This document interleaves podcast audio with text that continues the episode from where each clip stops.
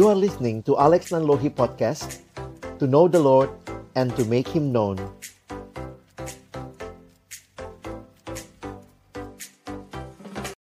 Mari kita berdoa sebelum membaca merenungkan firman Tuhan. Bapa di dalam surga kami datang dalam ucapan syukur siang hari ini. Terima kasih buat kesempatan kami bersama-sama boleh beribadah Memuji, membesarkan namamu dan tiba waktunya bagi kami untuk membuka firman-Mu ya Tuhan. Karena itu kami mohon biarlah waktu kami membuka firman-Mu bukalah juga hati kami. Jadikanlah hati kami seperti tanah yang baik. Supaya ketika benih firman Tuhan ditaburkan itu boleh sungguh-sungguh berakar, bertumbuh dan juga berbuah nyata di dalam kehidupan kami. Berkati baik hambamu yang menyampaikan firman, setiap kami yang mendengarkan firman, Tuhan tolonglah kami semua agar kami bukan hanya menjadi pendengar-pendengar firman yang setia, tapi mampukan dengan kuasa dari rohmu yang kudus, kami dimampukan menjadi pelaku-pelaku firman-Mu di dalam hidup kami, di dalam masa muda kami. Bersabdalah ya Tuhan, kami umatmu sedia mendengarnya di dalam satu nama yang kudus, nama yang berkuasa, nama Tuhan kami Yesus Kristus kami menyerahkan pemberitaan firman. Amin. Shalom. Selamat siang teman-teman sekalian. Hari ini kita akan bicara tentang satu bagian firman yang disebut dengan Great Commission. Apa itu amanat yang agung begitu ya? Um, ada pointer kan? Oh, saya bawa bentar ya.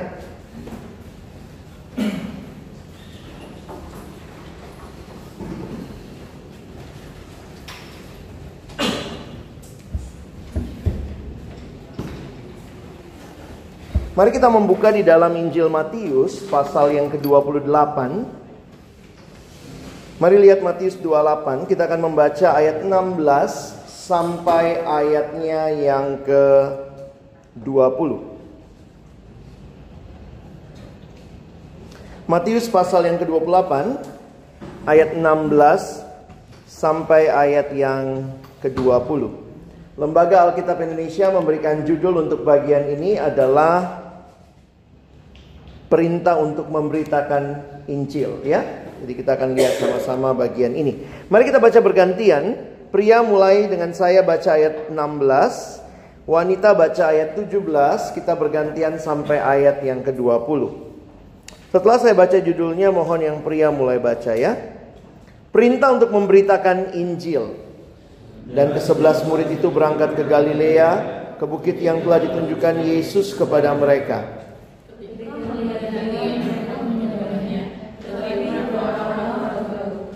Yesus mendekati mereka dan berkata, Kepadaku telah diberikan segala kuasa di sorga dan di bumi.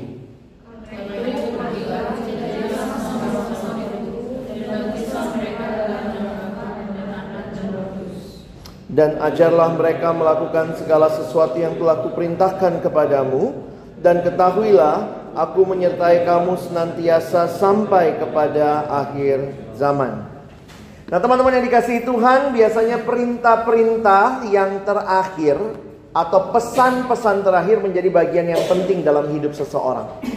Itu yang biasanya dipegang begitu rupa, dijaga begitu rupa, sehingga terus akan dipelihara. Nah makanya ada satu lembaga pelayanan di dunia atau satu tempat di mana melatih para pemimpin Kristen di dunia yang bernama Hagai Institute. Pendirinya John Hagai mengambil ayat Matius 28 ini sebagai ayat kunci pelayanan dia. Dan kalimat yang terkenal kalau kalian pernah mendengar tentang John Hagai dia mengatakan begini. Your last command is our first concern. Perintahmu yang terakhir itu adalah perhatian kami, prioritas yang utama bagi kami. Kenapa? Karena ketika Yesus menyampaikan bagian yang kita baca tadi, kita melihat bagaimana dia menyampaikannya sebagai Tuhan yang bangkit. Teman-teman bisa perhatikan itu Matius 28 kalau kalian lihat paling atas judulnya apa? itu kebangkitan Yesus. Jadi ini bukan perintah terakhir dari orang yang mau mati. Biasanya kalau kita di dunia kan kalau orang mau mati, biasanya aduh apa pesan-pesan terakhir dari opung misalnya begitu ya. Apa yang penting kita pahami, tetapi ini adalah pesan bukan dari seorang yang mati, tapi dari seorang pribadi yang bangkit. Kristus yang bangkit memberikan kepada kita yang disebut dengan amanat agung. Memang kalau lihat bahasa Inggrisnya, bahasa Inggris menggunakan istilah Great Commission. Teman-teman perhatikan, biasanya memang bahasa Indonesia tuh kalau kita dengar kata amanat, kita langsung bayangannya upacara kali ya. Amanat pembina upacara. Dan di bahasa Indonesia, mungkin kita agak sedikit nyaru antara amanat sama amanah. Beda ya? Ini bukan amanah. Sayangnya karena kita kalau dengar amanat pembina upacara itu istirahat sih ya, istirahat di tempat. Jadi amanat itu seolah-olah bagi kita pesan-pesan saja. Ini bukan pesan. Ini perintah ya. Kalau kalian perhatikan disebut sebagai amanat yang agung. Ini perintah. Karena perintah maka saudara dan saya harus lakukan. Ini bukan suggestion. Ini bukan usulan, mbok ya pergi, bukan ya. Tapi ini adalah perintah. Karena itu mari kita lihat sebentar, saya mau mulai dengan kita memahami apa isi amanat ini. Gereja Kristen, gereja Tuhan banyak yang kehilangan esensi kehadirannya karena juga tidak menghayati esensi ini. Saya tidak tahu seberapa serius teman-teman sebagai orang Kristen menghayati perintah. Karena kita pasti mikir, waduh Tuhan kok perintah-perintah aja maunya. Tapi bukankah dia yang sudah menyelamatkan kita, maka seharusnya sekarang seluruh hidup kita, kita persembahkan kepada dia. Kalau saya beli benda ini, ini pointer ya, kalau saya beli benda ini, maka begitu saya beli benda ini milik saya. Benda ini harusnya melayani saya. Benda ini harusnya ngikutin perintah saya, kira-kira begitu. Ketika engkau dan saya ditebus oleh Yesus, apa konsekuensinya?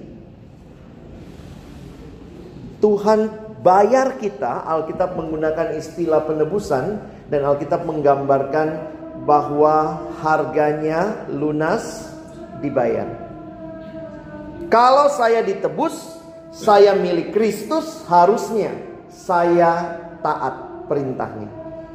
Nah, memang ini salah satu perintah yang sulit Kenapa sulit? Karena kita merasa diri kita kita punya zona nyaman, kita punya ketenangan yang kita nggak mau digubris atau ya diganggu dengan perintahnya Tuhan. Tapi mari coba perhatikan sebentar apa inti perintahnya ya. Nah, apa isi amanat itu? Saya mulai dulu ayat 19 dan 20 ya. Kita lihat sama-sama. Karena itu pergilah, jadikanlah semua bangsa muridku dan baptislah mereka dan seterusnya. Nah kalau kalian perhatikan Matius 28, 19 sampai 20 karena ini perintah maka teman-teman bisa lihat kalau bahasa Indonesia kata perintah itu biasanya ada kata apa belakangnya? Seru itu tanda bacanya. Yang mana kata perintah di sini? Ada lahnya ya. Yang pertama apa? Pergilah. Yang kedua, jadikanlah. Yang ketiga, baptislah. Keempat, ajarlah. Lima, ketahuilah masuk gak? ini gak masuk ya. Jadi kalau kalian perhatikan sebenarnya, nah ini bahasa kita lihat ada empat kata perintah ya. Nah, ada empat kata perintah. Sebenarnya kalau kita perhatikan, kata perintah yang utama cuma satu. Karena ini Alkitab kita ditulis dalam bahasa Yunani, kata perintah utamanya cuma satu. Tiga kata perintah yang lain merupakan keterangan terhadap perintah itu. Ya kalau teman-teman perhatikan, kata perintah utamanya ini. Jadi sebenarnya jangan salah mengerti, bukan berarti pergilah yang muncul paling pertama maka itu kata perintah utamanya. Tetapi kalau kalian pelajari bahasa Yunani, kalian akan melihat ini kata perintah utamanya. Jadikanlah murid bagiku dari semua bangsa. Sehingga tiga kata perintah yang lain itu memberikan atau tiga, uh, kata perintah ini memberikan arah bagi tiga kata perintah yang lain. Apa tujuannya pergi? Menghasilkan murid. Apa tujuannya baptis? Jadikan murid. Apa tujuannya mengajar? Menjadikan murid. Jadi ini bukan sekadar pergi. Pergi terus mau ngapain? Pergi ngapain? Mau jalan-jalan. Tapi jelas ada tujuannya. Bahwa Tuhan hadir di dalam dunia dengan satu kerinduan bahwa dia membawa orang-orang itu untuk menjadi muridnya. Masih ingat waktu Yesus memanggil murid-murid yang pertama? Dia mengatakan, "Mari ikutlah aku." Tapi perhatikan, kalau saya tanya, ajak sama teman-teman, "Yuk ikut saya." Kalian nanyanya apa? Mau ke mana? Yesus tuh nggak nipu ya. Yuk ikut aku tanpa tujuan. Dia mengatakan, "Mari ikut aku, kamu akan kujadikan penjala manusia. Makanya saya pikir kadang-kadang sedih juga ya orang ikut persekutuan, ikut gereja, nggak ngerti mau ngapain. Harusnya kita dibawa untuk melihat, pergilah, jadikanlah semua bangsa muridku. Ajarlah supaya mereka jadi murid, baptislah supaya mereka menjadi murid. Jadi teman-teman bisa perhatikan ini adalah apa yang menjadi tujuan Yesus.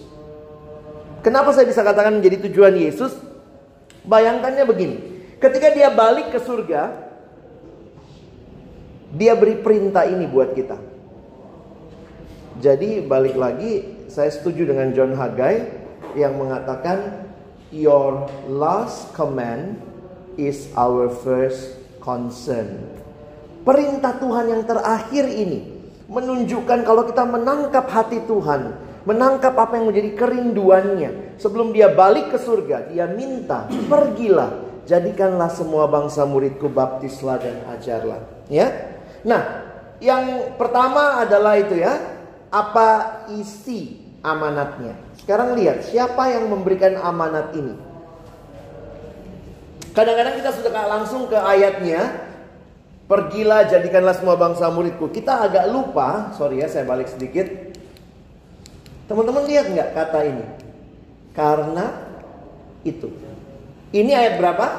19:20. Kita langsung masuk ke pergilah jadikanlah. Kalau di bahasa Indonesia karena itu, karena yang mana? Bagian sebelumnya. Jadi ternyata perintah ini bagi saya yang paling penting bukan cuma isi perintahnya tetapi siapa yang memberikan perintah, ya? Teman-teman lihat sebentar. Ini ayat 16 sampai 18. Dan ke sebelas murid itu berangkat ke Galilea ke bukit yang telah ditunjukkan Yesus kepada mereka. Ketika melihat dia mereka menyembahnya tetapi beberapa orang ragu-ragu. Perhatikan kalimat ini. Yesus mendekati mereka dan berkata, jadi sebenarnya kalimat Yesus kita suka potongnya di 1920, padahal Yesus ngomongnya dari 18. Bagian awalnya apa? Kepadaku telah diberikan segala kuasa di sorga dan di bumi. Karena itu pergilah. Bisa dipahami ya? Bahwa ini adalah satu kalimat penegasan dari Kristus yang berotoritas. Perhatikan sekali lagi, yang menyampaikan kalimat ini adalah Yesus bukan yang mati, tapi Yesus yang bangkit. Di dalam bahasa Indonesia dan bahasa Inggris memang ada perbedaan ya. Kalau kalian lihat ada kata kuasa di sini. Ada dua kata dipakai untuk menggambarkan kuasa. Di bahasa Inggris dua kata dipakai. Indonesia nerjemahnya cuma satu. Satunya adalah kata power. Power terjemahan Indonesianya ya kuasa. Yang kedua kata authority Harusnya diterjemahkan otoritas, tapi Indonesia sering kali juga menerjemahkannya kuasa. Apa bedanya power sama authority? Power itu pakai kekuatan. Authority itu pakai kewibawaan. Itu beda ya. Kalau kalian lihat misalnya apa? Lampu lalu lintas. Itu power atau authority? Hmm? Itu power authority. Itu authority. Nggak ada power di situ kan? Jangan bilang oh ada power plugnya gitu. Oh enggak, bukan itu maksud saya ya. Kalau ada orang lagi dorong mobil, itu power apa authority? Power ya. Nah jadi kalau saya perhatikan yang menarik begini loh. Lampu lalu lintas itu cuman nyala gitu doang. Itu bisa memberhentikan sekian ribu ton. Tidak pakai power. Nggak ada kan polisi lagi begini-begini di situ nahan ya. Tapi begitu dia nyala, semua berhenti kalau merah. Begitu dia hijau, semua jalan. Nah itu namanya otoritas. Sementara power ya pakai kekuatan fisik.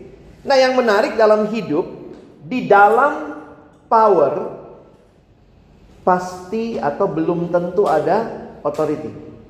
Tapi di dalam authority ada power.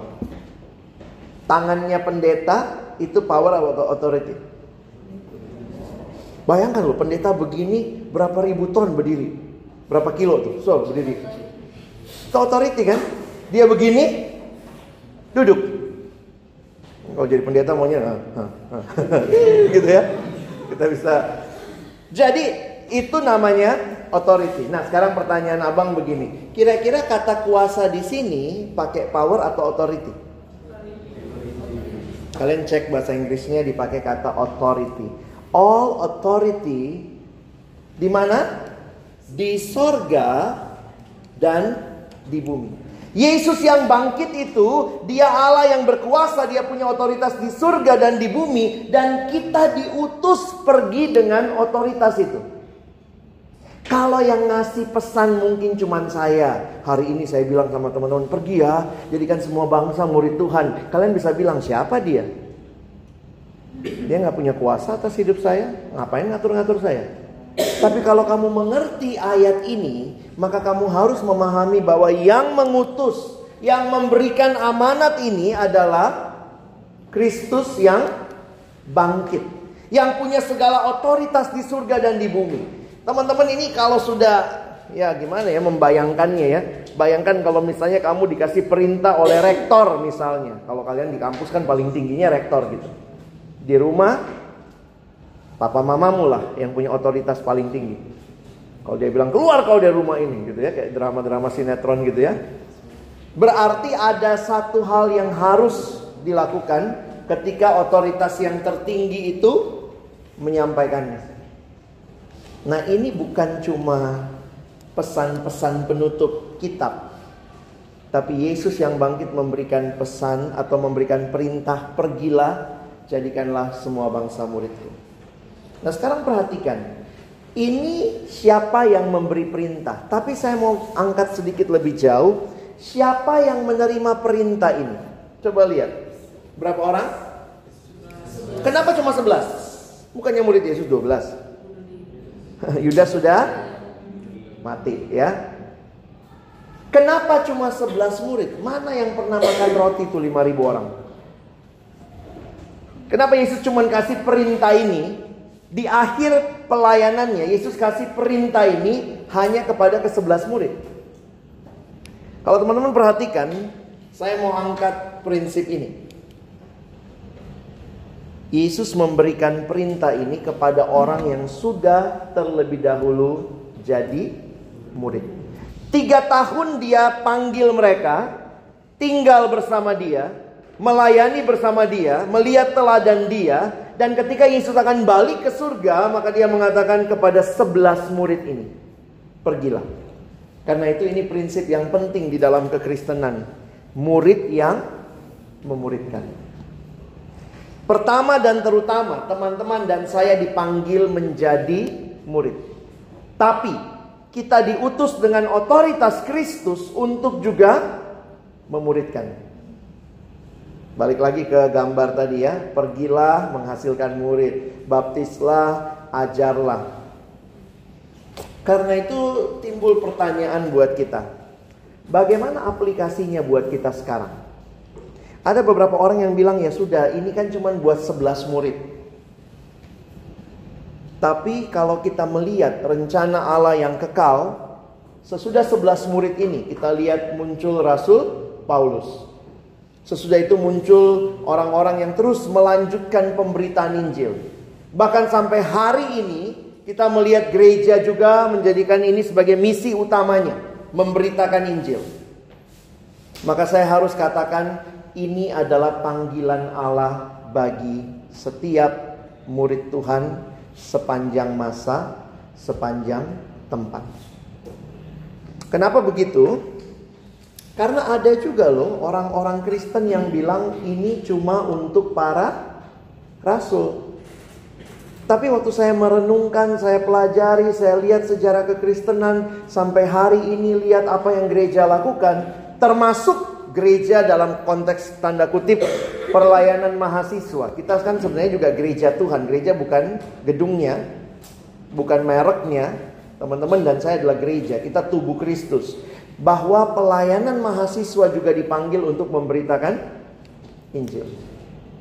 Karena itulah di dalam pelayanan mahasiswa sejak kalian masuk ada retret disiapkan, ada penyambutan mahasiswa baru, kalian mendengar berita Injil, diajak untuk bertumbuh dan mengenal Tuhan, tapi that is not the end. Itu baru bagian jadi murid. Tapi bukan hanya murid yang hidup bagi dirinya sendiri. Kalau kalian perhatikan Kerinduannya adalah murid yang kembali memuridkan. Jadi saya pikir ini kesempatan bagi kita mari berpikir lebih dalam, bergerak lebih apa ya? Lebih dinamis untuk membangun murid-murid yang lain. Saya pikir yang Kristen di kampusmu nggak cuma segini kan? Bahkan kalau semua bangku terisi, orang Kristennya lebih dari itu. Benar gak? Nanti tunggu nanti pas Natal tuh banyak tuh. Banyak Kristen napas ya, Natal, Pasca. kalau Natal datang, Pasca datang, boleh sih, nggak masalah. Tapi saya kadang suka sedih gitu ya. Jangan-jangan kalau kita tidak sedang jadi murid, mungkin kita sedang dimuridkan oleh dunia ini. Kalian juga pasti akan bikin acara Natal nanti. Apa kerinduannya? Jangan jadi orang Kristen yang egois. Yang penting aku sama Tuhan. Oh indah sekali relasiku dengan Tuhan. Bodoh amat yang lain. Orang Kristen yang sejati. Dia tahu apa tujuan Tuhan ngajak dia. Mari ikut aku. Tuhan bilang apa? Kamu akan kujadikan penjala manusia. Teman-teman mesti belajar menginjili. Itu harus. Karena kalian orang Kristen. Jangan berpikir menginjili itu kristenisasi. Memang susah ya bahasa kalau kita pakai menginjili kesannya oh kristenisasi. Bukan. Menginjili paling tidak kamu bisa menyaksikan imanmu kepada orang lain. Menceritakan siapa Yesus yang mati dan bangkit. Tugasmu hanya memberitakan. Percaya atau tidak itu urusan dia sama Roh Kudus. Kadang-kadang ketakutan kita nanti kalau CPI sama dia, pemberitaan Injil sama dia, dia nggak percaya, itu bukan urusan kita. Bagianmu dan bagianku adalah memberitakannya. Kadang-kadang ada yang bingung, kak gimana cara memberitakannya? Ya ngobrol, ngomong, cerita. Ada anak gitu, iya kak kemarin aku kasih temenku haus tuh, uh, aku kasih sama dia uh, minum. Oh gitu, iya saya sudah penginjilan sama dia. Hah? Penginjilannya ngapain? Kasih minum. Iya dia beda iman kak, dia pakai jilbab. Saya kasih minum sama dia. Oh saya sudah menginjili. Itu ngasih air. Beda ya. Injil itu namanya, Injil itu berita. Benar nggak? Berita suka cita. Tapi coba misalnya, kalau saya bilang gini ya, Injil itu berita sukacita. Nah sekarang abang PI sama kalian ya, penginjilan sama kalian. Ih ada berita sukacita loh, ih gila loh. Beritanya sukacita banget. Ih gila, sukacita bener. Uh sukacita baik banget. Wih luar biasa sukacita. Orang goblok juga akan nanya. Apa beritanya? Nah, nangkep nggak maksud saya? Kita nggak mungkin hanya bilang, iya ada kabar baik. Oh kabarnya baik banget. Ih baik banget kabarnya. Uh luar biasa baiknya. Orang juga akan nanya, apa kabar baiknya? Nah kalau kamu tidak belajar memberitakan kabar baiknya, jangan cuma hidup baik. Harus ada kabar baik disampaikan. Mari belajar. Oh, saya bukan penginjil, saya bukan pendeta. Emangnya murid-murid Yesus pendeta? Nelayan, coy. Nelayan aja belajar, kamu mahasiswa. Pola berpikirnya lebih bagus, harusnya bisa mengemas. Nah ada yang bertanya, gimana bang memberitakan Injil? Saya bilang kamu udah tiap hari minggu juga bilang di gereja ya, kalau kamu pergi ke gereja ya. Aku percaya kepada Yesus Kristus, anak yang tunggal Tuhan kita. Yang dikandung dari Roh Kudus, lahir dari anak Maria, yang menderita sengsara di pembunuhan Pontius Pilatus. Kan itu yang disampaikan. Cuman ya dikemas lah, jangan begitu nyampeinnya ya. Eh, saya mau ngomong ya, uh, pada hari ketiga ya bangkit pula antara orang mati surga di sebelah kanan, kan nggak gitu, ya. Tapi kalian ngerti esensinya. Siapa yang diberitakan? Yesus. Memang ada yang nanya gini, sebenarnya bang, kalau namanya berita sukacita, pertanyaannya begini. Bagaimana menghayati berita sukacita? Seringkali untuk menghayati sebuah berita itu sukacita atau tidak, kamu mesti dengar berita duka citanya dulu. Kalau kamu nggak bisa bandingkan sukacita duka cita, karena begini, dunia ini kan lagi banyak tawarin berita sukacita. Misalnya saya bawa kabar, teman-teman, ada kabar ujian akhir ditiadakan. ya seneng nggak berita sukacita? dengar dulu belakangnya. Berita sukacitanya ujian akhir dia ditiadakan di Unhas, Universitas Hasanuddin. Nah, itu bakal jadi sukacita nggak buat kamu? Enggak. Dunia selalu menawarkan berita sukacita yang separoh. Kalau akhir tahun ke mall tuh banyak berita sukacita ya. Diskon 50% off, itu sukacita nggak? Kalau lu punya duit mah suka cita, apalagi kalau anak diskonnya nunggu setahun gitu ya. Tapi kalau nggak punya duit, lu mau on kek, lu mau off kek, bodoh amat. Jadi ternyata dunia ini pun menawarkan berita yang separuh sukacita. Nah perhatikan, kita udah mau Natal nih ya. Saya waktu merenungkan Natal terus ada kalimat begini ya. Waktu malaikat datang, inilah berita kesukaan besar untuk seluruh bangsa. Kenapa Yesus itu bisa jadi berita kesukaan besar untuk seluruh bangsa? Mungkin kita perlu tahu dulu apa berita duka cita terbesar seluruh bangsa. Alkitab menyampaikan berita duka cita terbesar bukan tidak punya pekerjaan. Alkitab menyampaikan berita duka cita terbesar bukan karena nggak kuliah. Tapi berita duka cita terbesar adalah semua manusia berdosa dan kehilangan kemuliaan Allah. Siapa yang berdosa? Semua. Kalau begitu Yesus datang untuk manusia berdosa, berarti siapa yang butuh Yesus? Semua. Luar biasa ngerinya kalau kau tahu dialah berita sukacita dan kita tidak beritakan. Yesus tidak pernah datang hanya buat orang Kristen. Yesus datang untuk manusia berdosa, berarti untuk seluruh dunia. Siapa yang perlu dengar berita itu? Seluruh dunia. Makanya jangan cuma Natal dalam gedung nyanyi gitu ya. Kita harus beritakan kepada dunia. Nah memang ini perlu perlu proses begitu ya. Kan Yesus nggak pernah turun dari surga pakai papan maaf untuk kalangan sendiri. Nggak ada kan? Kita yang bikin papan-papan begitu. Dia datang untuk seluruh bangsa. Dan karena dia datang untuk seluruh bangsa, mari kita beritakan. Memang dalam persahabatan saya pikir ini kesempatan yang baik untuk memberitakan. Teman-teman yang ada di kampus, kalian punya kesempatan bertemu dengan teman-temanmu dari beda iman atau mungkin cuma Kristen KTP, Kristen tanpa pertobatan, Kristen tanpa perubahan, Kristen yang nggak pernah ke gereja. Itu pun orang-orang yang harus dengar berita Injil. Yesus mati buat mereka. Yesus mau mereka datang kepada dia. Ada banyak metode penginjilan yang diajarkan, tapi inti beritanya sama. Ceritakan tentang Yesus. Nah, mungkin kalau abang kasih tips yang paling sederhana, yang membuat kamu juga tidak akan dimarahin dan dimaki sama orang, adalah coba bangkitkan keinginan dia untuk mendengar. Nah, sebenarnya itu yang penting kita lakukan. Saya pikir penginjilan itu jangan menjadi satu sarana tanding-tandingan komparasi agama. Ingat bagian kita memberi takkan.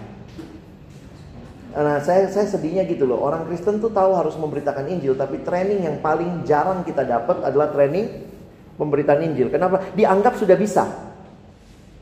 Harusnya kita diajar tuh.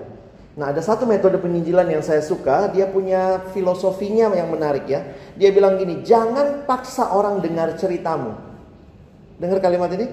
Jangan paksa orang dengar ceritamu, tapi bangkitkan minat orang untuk dengar ceritamu. Beda ya? Nah, makanya yang pertama dalam training itu tahu nggak apa yang pertama dilakukan? Buatlah ceritamu. Kan mau bicara cerita nih. Jadi sebelum kamu cerita sama orang, kamu punya cerita apa? Makanya dalam training itu kami disuruh membuat tulisan. Tulisannya cukup tiga paragraf. Siapa kamu sebelum kenal Yesus? Kayak apa hidupmu? Siapa kamu sesudah kenal Yesus? Dan apa kerinduanmu dalam Kristus? Itu ceritaku. Kayak Indomie ya, ini ceritaku. Apa ceritamu? Nah, dalam pergaulan, saya pikir persahabatan itu sangat menolong kita bisa mendengarkan cerita satu sama lain. Makanya mungkin yang kita perlu pelajari adalah mengemas cerita itu. Memang kalau metode ini dia mulai dengan pertanyaan. Pertanyaannya memang agak ngeri. Kalau engkau meninggal dunia hari ini, yakin nggak masuk surga? Nah, kamu yakin? Temanmu? Belum tentu. Nah pertanyaannya, pernah nggak kamu nggak yakin? Dulu pernah nggak yakin nggak? Mungkin pernah juga kan, makanya tadi disuruh di depan. Coba ceritamu dulu sebelum kenal Yesus, sesudah kenal Yesus. Jadi kalau kamu ketemu orang lain lalu kamu tanya, eh yakin nggak mati masuk surga? Kalau dia bilang belum yakin, kita mesti berangkat dari pengalaman kita dulu. Jadi jangan dihakimi. Lu belum yakin, wah gila lu mati masuk neraka lu, yakin lu gitu. Jangan begitu. Gimana caranya? Dia bilang bangkitkan minat orang untuk dengar cerita kita. Jadi kalau banyak, gue nggak yakin. Kita juga mesti ngomongnya gitu. Ih, gue juga dulu tidak yakin. Sampai satu waktu gue datang satu acara, gue dengar penjelasan sejak hari itu. Kapan saja gue mati, gue yakin gue masuk surga. Nah, biarkan dia mikir. Kepo nih, ih gila. Yakin banget sih dia. Nah, itu prinsipnya adalah prinsip kuda. Jadi yang bikin metode ini dia bilang begini, kalau kuda kamu maksa minum dengan kau tarik mulutnya, minum kau kuda, minum kau. Kau tarik mulutnya begitu, ditendang kamu. Bagaimana caranya suruh kuda minum? Kasih tablet garam katanya ya. Maksudnya intinya kasih garam di bibirnya. Nanti lama-lama kuda itu haus, minum sendiri. Jadi kayak gitu ya. Kau yakin gak mati masuk surga? Oh aku gak yakin. Ih aku juga dulu gak yakin. Tapi sejak aku kenal ini ini aku mulai yakin dan kapan pun saya mati saya pasti yakin saya masuk surga. Nah diam dulu sebentar biar tablet garam bekerja. Kepo lah dia kan, gila. Pede amat nih temennya. Nah sesudah itu baru kamu tanya, boleh saya cerita kenapa saya bisa begitu yakin? Kalau dia bilang boleh, baru kamu mulai cerita. Kalau dia bilang, ih kau injili saya. Eh enggak kan aku tanya tadi, boleh nggak aku cerita? Kau bilang boleh, makanya aku cerita. Nangkap maksudnya? Jadi kita tanda kutip metode ini menolong kita untuk tidak diserang. Kalau dia bilang, saya nggak mau dengar ceritamu. Oh nggak apa-apa, nggak apa-apa. Besok kamu lagi makan-makan bakso barengan teman satu kelas ya. Ih gede banget nih bakso gila kalau kita ketelan terus mati. Eh ngomong-ngomong soal mati, kalau mati kau yakin nggak masuk surga?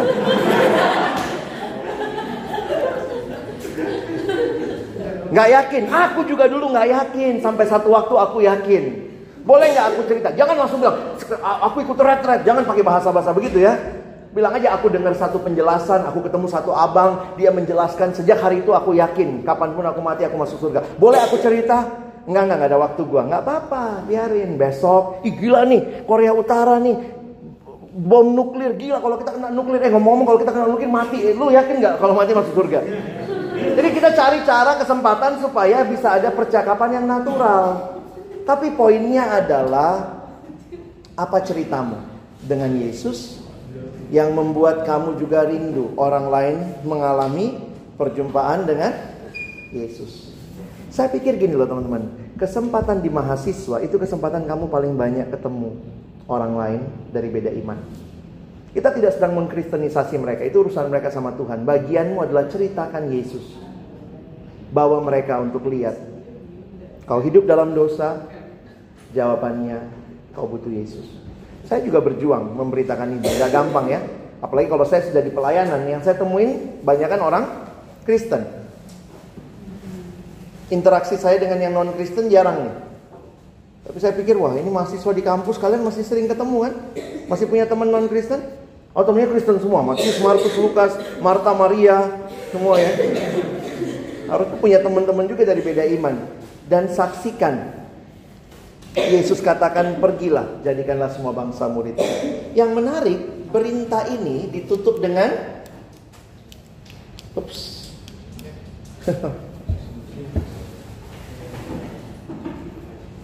oh sorry, ini terbuka. Saya tutup dulu. Ditutup dengan satu janji. Coba lihat dulu, ada banyak yang terbuka. Nah, itu yang bikin nggak nggak bisa keklik ya antivirusnya minta update, apanya minta update gitu ya.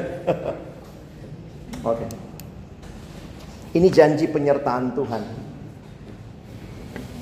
Kalimat yang dikatakan terakhir, ketahuilah aku menyertai kamu senantiasa sampai kepada akhir zaman.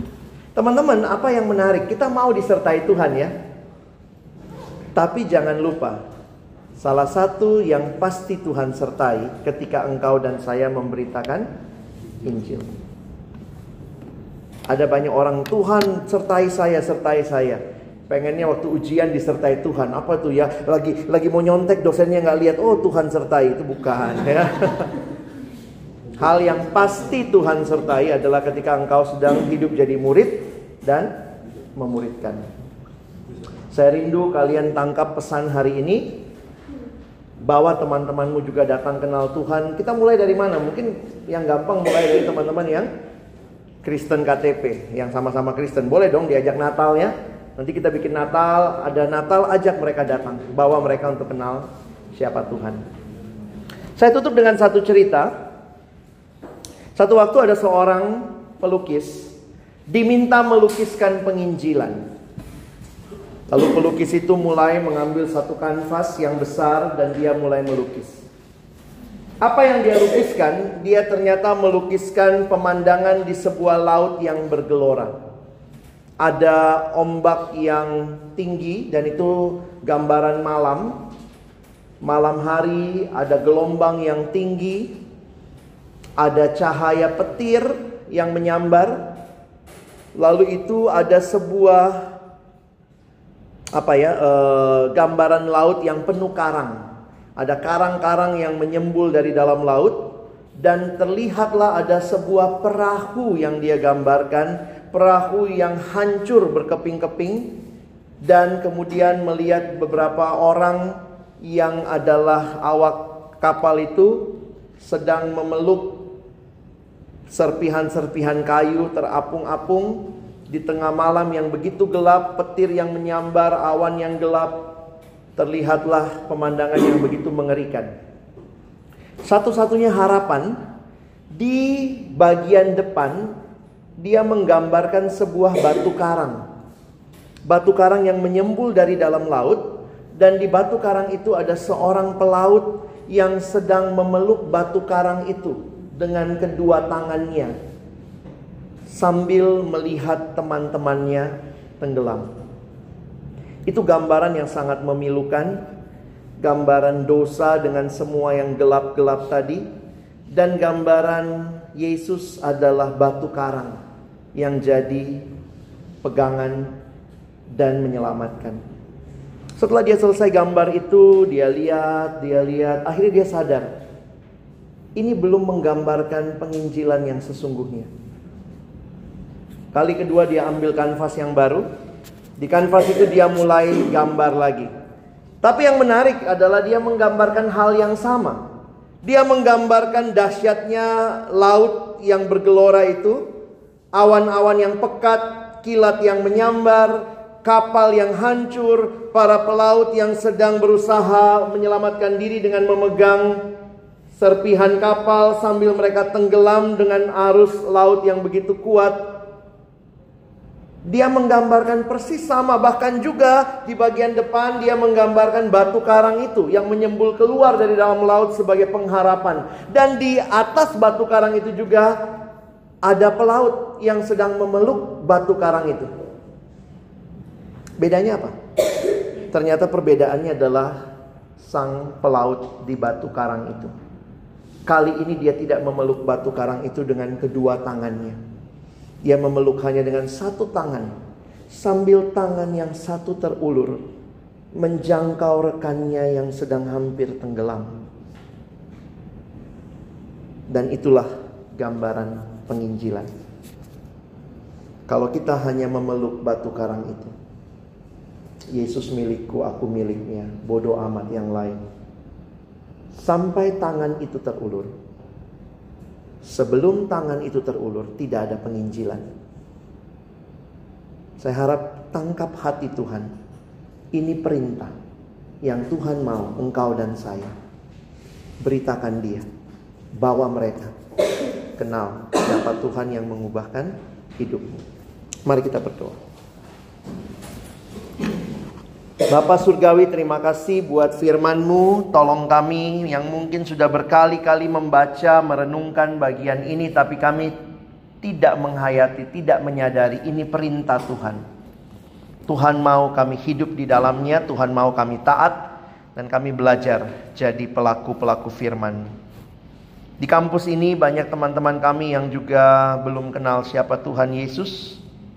Biarlah hidup kami yang sudah jadi murid menjadi hidup yang juga akhirnya membawa orang lain mengenal Tuhan Yesus. Terima kasih Tuhan, tolong kami bukan cuma jadi pendengar firman, mampukan kami jadi pelaku-pelaku firman. Dalam nama Yesus kami bersyukur, kami berdoa. Amin.